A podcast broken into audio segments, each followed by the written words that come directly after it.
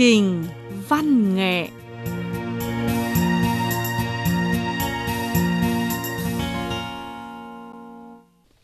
Các bạn thính giả thân mến, hoan nghênh quý vị và các bạn thưởng thức chương trình văn nghệ cuối tuần trên sóng và trên mạng Đài Phát thanh Quốc tế Trung Quốc do Ngọc Ánh thực hiện.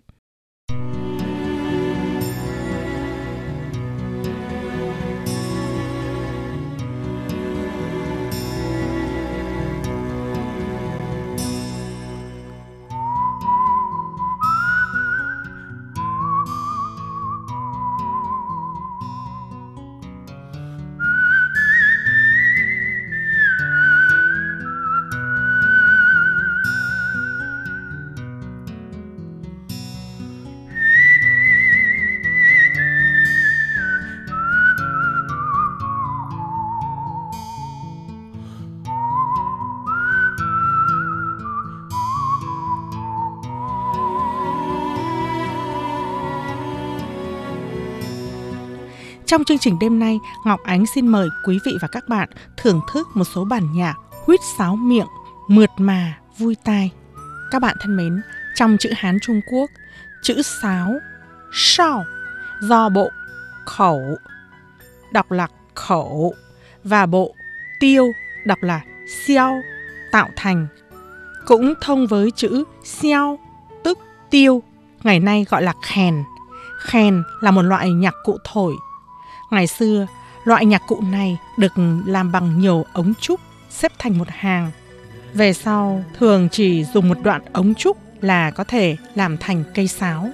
Thổi sáo trúc trực tiếp phát ra âm thanh véo von, vui tai.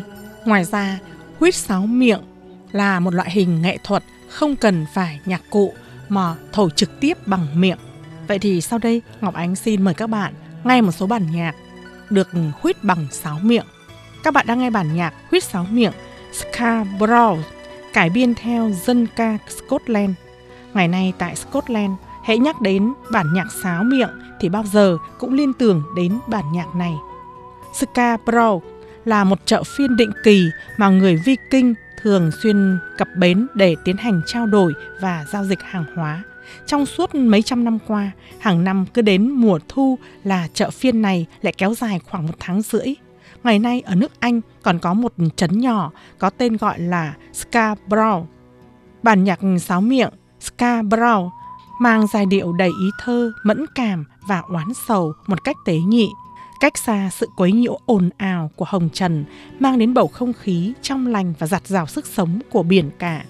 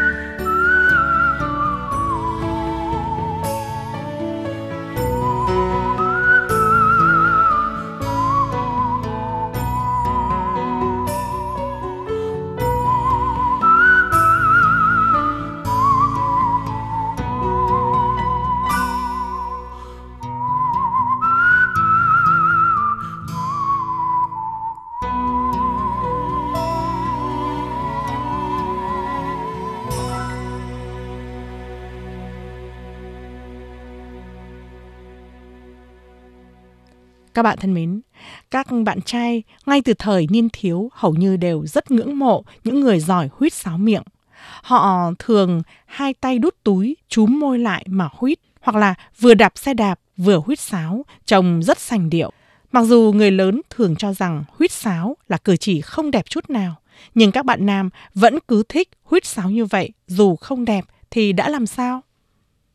Chiều Moscow của Liên Xô cũ là bài dân ca kinh điển lưu truyền trong các thế hệ 6X, 7X và 8X Trung Quốc, đặc biệt là đối với các thế hệ 6X và 7X mà nói, thì giai điệu bài hát này chính là cả một chuỗi ký ức khó quên.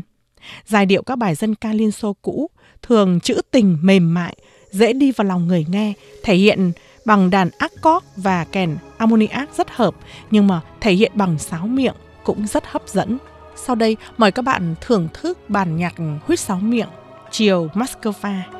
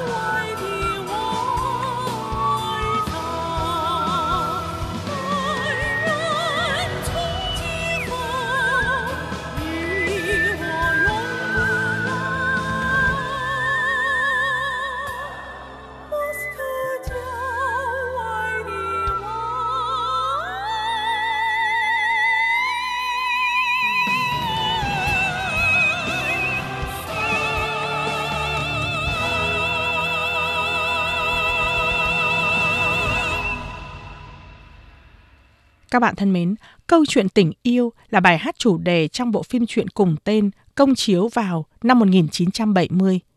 Thế hệ lứa trung niên hễ nghe lại bài hát này, bất giác liền nhớ về mối tình của mình khi còn trẻ. Bài hát này được thể hiện bằng huýt sáo miệng cũng rất hấp dẫn. Bộ phim truyện câu chuyện tình yêu kể về mối tình chân thành giữa Oliver, một anh chàng con nhà giàu, và Jen, con gái của một thợ bánh mì bình thường. Bất chấp sự phản đối của gia đình, Oliver vẫn quyết định lấy nàng Jen đi. Cuộc sống sau khi cưới của đôi vợ chồng trẻ này rất hạnh phúc. Oliver đã cố gắng học tập rồi phấn đấu tốt nghiệp, lấy được bằng thạc sĩ trong điều kiện sinh hoạt rất chật vật. Sau khi tốt nghiệp, Oliver trở thành một luật sư. Kinh tế gia đình đã trở nên khấm khá hơn. Cuộc sống mới mẻ của đôi vợ chồng trẻ này vừa mới bắt đầu. Ấy thế mà, Jen, người vợ trẻ đẹp của Oliver không may mắc bệnh ung thư, rồi không bao lâu lìa dã cõi đời. Và phần kết của bộ phim, Oliver một mình lặng lẽ đến sân trượt băng mà trước đây anh thường cùng vợ đến chơi, ngắm lớp băng tuyết trắng tinh. Bất giác Oliver lại nhớ về những khung cảnh hạnh phúc ngọt ngào khi chung sống với người vợ trẻ thân yêu. Câu chuyện tình yêu là bộ phim truyện tình được đông đảo khán giả hoan nghênh lúc bấy giờ. Bất kể tình tiết câu chuyện hay là âm nhạc của bộ phim này đều đi sâu vào trong ký ức của cả một thế hệ trung niên ngày nay.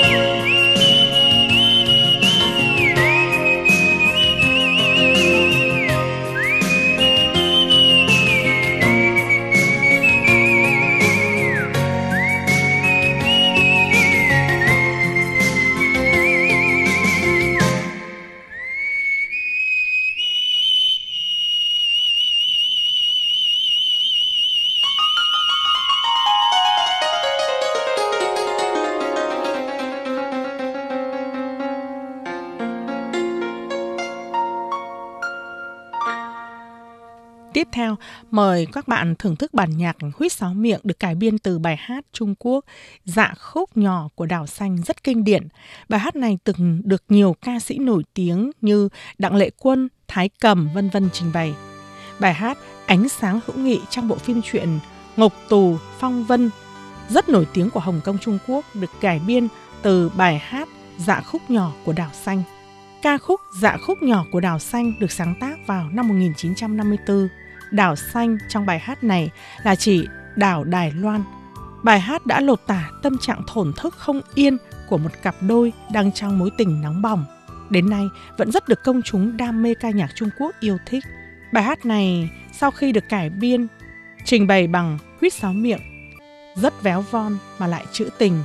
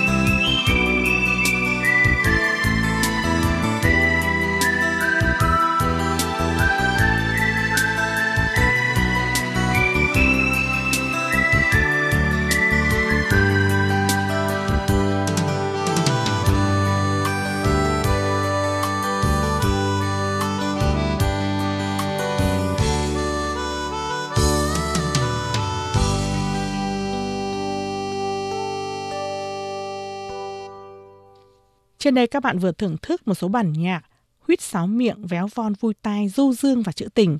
Cuối cùng, mời quý vị và các bạn thưởng thức bản nhạc Chiếc cốc thủy tinh. Đây là bài hát ca dao học đường, giai điệu êm du nhưng lại xen lẫn chút đa sầu đa cảm. Trong cảnh, một người trong sân trường yên vắng huýt bài sáo véo von này.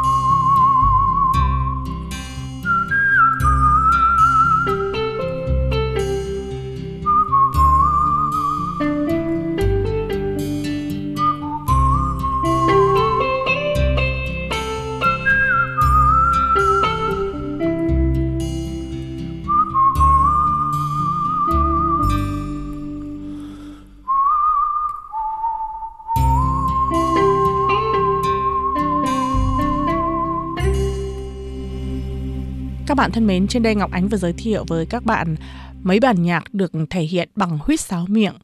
Chương trình văn nghệ cuối tuần đêm nay xin tạm khép lại ở đây. Hẹn gặp lại các bạn vào giờ này tuần tới. Hoan nghênh quý vị và các bạn like hộp thư Ngọc Ánh trên trang Facebook.